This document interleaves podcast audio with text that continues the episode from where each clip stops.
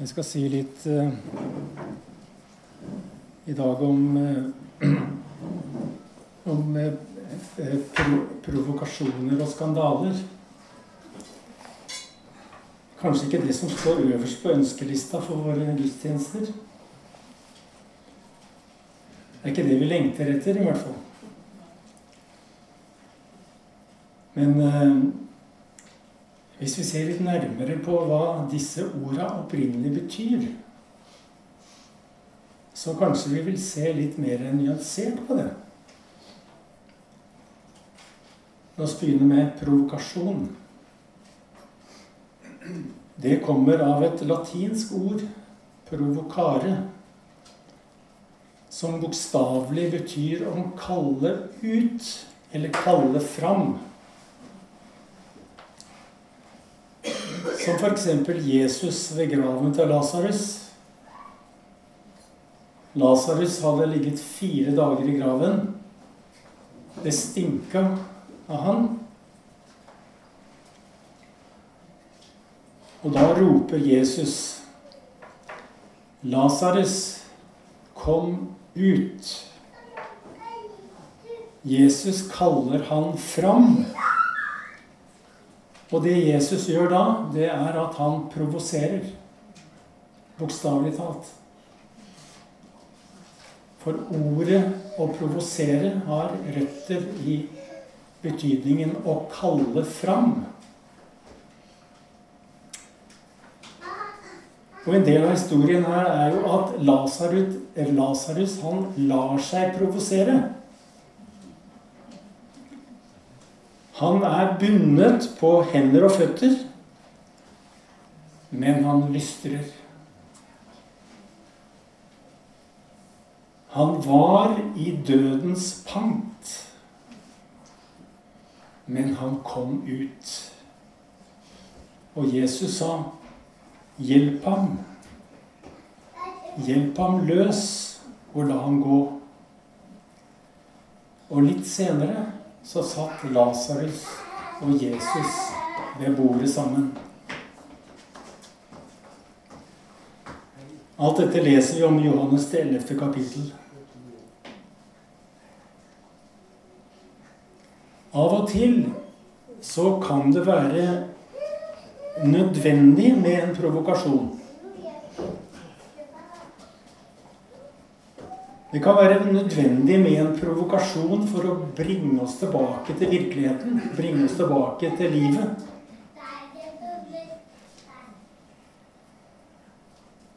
Og det kan hjelpe oss å bryte bånd, sånn som Lasarus gjorde. Bånd som har holdt oss fanget å finne veien tilbake til bordfellesskapet, den intime relasjonen til Jesus. Så det er ikke så gærent med en provokasjon allikevel. Av og til. Kanskje ikke hele tiden, men I gamle dager så hadde vi, noe som vi kalte for alterkall. Og mange av dere kjenner godt til det. Det betydde at på slutten av eh, gudstjenesten, eller på slutten av møtene, så ble den kalt fram som ville bli bedt for. Eh, Bokstavelig talt ble da de som ble kalt fram, provosert til å komme fram. Og eh, for 50 år, siden, 50 år siden så fungerte det her ganske bra i mange av våre møter og gudstjenester. Jeg tror ikke det ville fungere på samme måten i dag. Men jeg tror at vi behøver den provokasjonen. Det innebærer at vi opplever at Jesus kaller oss fram. Det er viktig å bli sett. Og det er viktig å bli ropt til. For Jesus ropte når han kalte fram Lasarus. Og det er viktig å høre at du er ønska, og at du er elska. Det er viktig å bli ropt til. Jesus ropte til den lamme mannen, 'Reis deg, stå opp, ta båren din og gå.' Jesus sa, 'Kom fram'. Jesus provoserte. 'Kom fram, og bli den du er'. La deg provosere. Derfor tror jeg at eh, provokasjonen eh, har sin plass i våre gudstjenester også i dag. Når det bare blir forstått rett. Et annet sted så sier Jesus Salig er den som ikke tar anstøt av meg. Og jeg har sett at det er mange måter å oversette det Jesus sier her på. F.eks. kan det sies på denne måten Velsignet er den som ikke frastøtes av meg. Eller salig er den som ikke tar avstand fra meg. På nynorsk så står det faktisk en bok jeg fikk av Thor for et par år siden. Salig er den som ikke styggest ved meg. Ganske kraftig og fint uttrykk, syns jeg. Men det uttrykket Jesus bruker om seg selv i den greske teksten, er ordet 'skandalon', som vi har vår skandale eller skandaløst fra. Og skandalon, det er et ord som kan bety altså en snare. Noe som får deg til å snuble. En hindring som man blir provosert av, eller som skaper fordommer. Så jeg er ikke like sikker på at vi trenger skandale i samme grad som provokasjon i våre gudstjenester. Men det kan være greit å vite hva det handler om. Jesus sier 'salig er den som ikke tar anstøt av meg', som ikke lar seg skandalisere av meg. Men hva er det som er så skandaløst ved Jesus? Hva er det som blir et anstøt? Hva er det som vi styggest ved? Hva er det vi støtes bort av?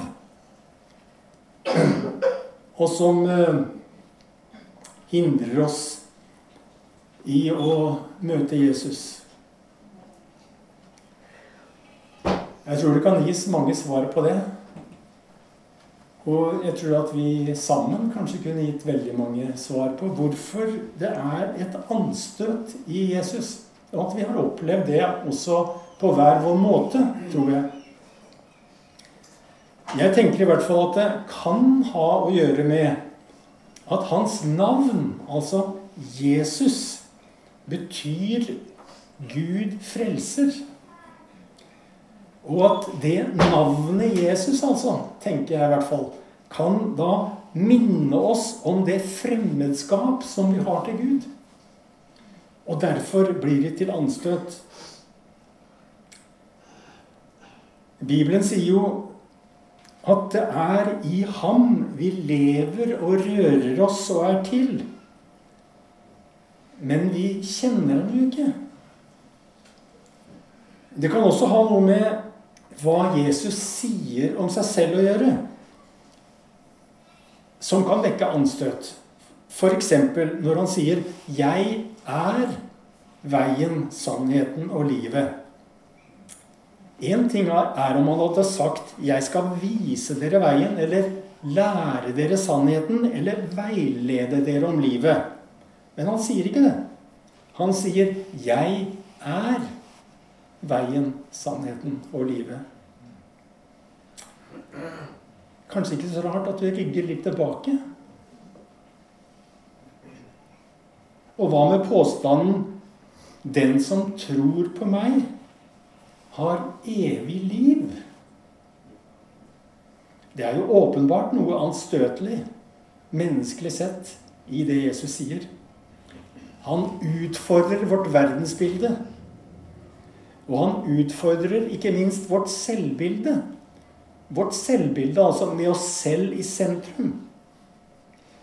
Og intuitivt så fornemmer jeg, kanskje uten at jeg har klare tanker, at det å åpne meg for Jesus, som han som roper på meg, vil få konsekvenser. Jesus sier også 'Den som har sett meg, har sett Faderen'. Det er jo voldsomt. Og dessuten, på toppen av det hele, så sier Jesus 'omvend dere'. O redsel. For Guds rike har kommet nær.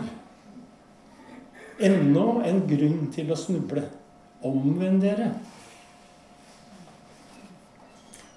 Det er lett å ta anstøt, men Jesus sier med inderlighet ikke vend dere bort fra meg.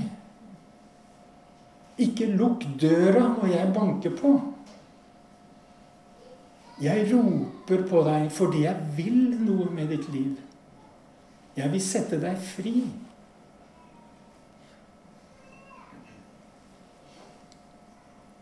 Jeg har en tegning jeg tenkte jeg skulle vise. Kanskje du kan få den opp? Jeg vet ikke om det syns, siden den blir såpass liten. Men dere ser det kanskje. Tegningen handler om det store puslespillet. Og når jeg tegna det, så tenkte jeg at et sted i livets store puslespill så fins det et tomrom. Jeg vet ikke om dere kan se det tomrommet. Jeg har tegna deg inn der hvor hjertet skal være.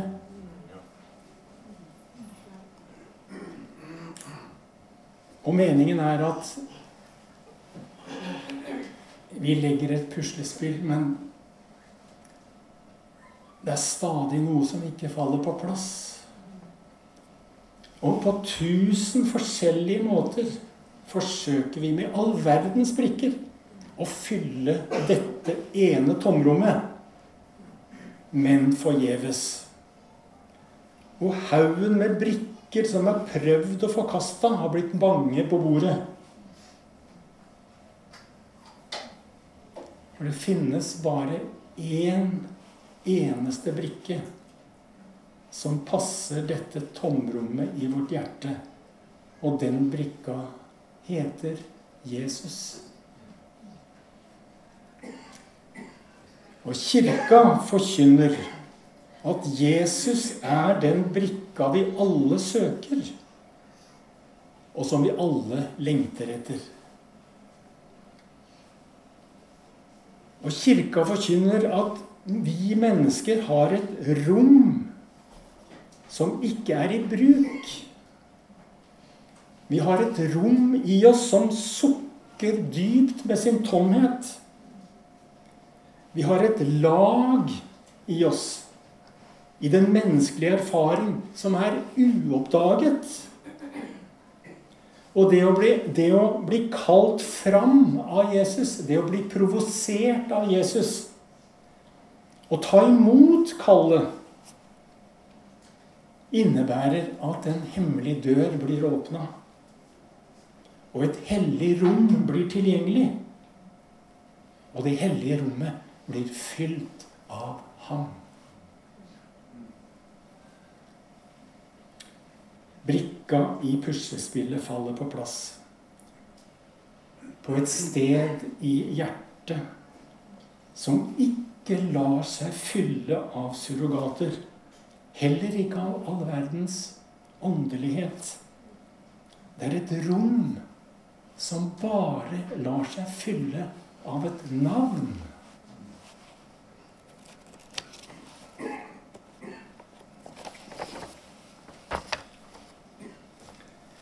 Og Jesu navn har åpenbart evnen til å utfordre også i dag. Og fordommene er mange. Og det er i hvert fall en skandale at Jesu navn, og ofte gjennom kirka, har blitt skjult under moralisme og hykleri. Men Jesus kom ikke til verden for å innføre tilsynet for høy moral. Jesus kom for å føre et nytt liv inn i verden. Et liv som fødes i menneskets personlige møte med ham. Og det er ikke bare en livsanskuelse eller ideologi. Helt avgjørende er det utfordrende spørsmålet som Jesus på et tidspunkt selv stiller. Hvem sier menneskene at jeg er? Og for at en kristen tro skal bestå, folkens, og for at en kristen tro skal være troverdig, også under livets lavkonjunkturer,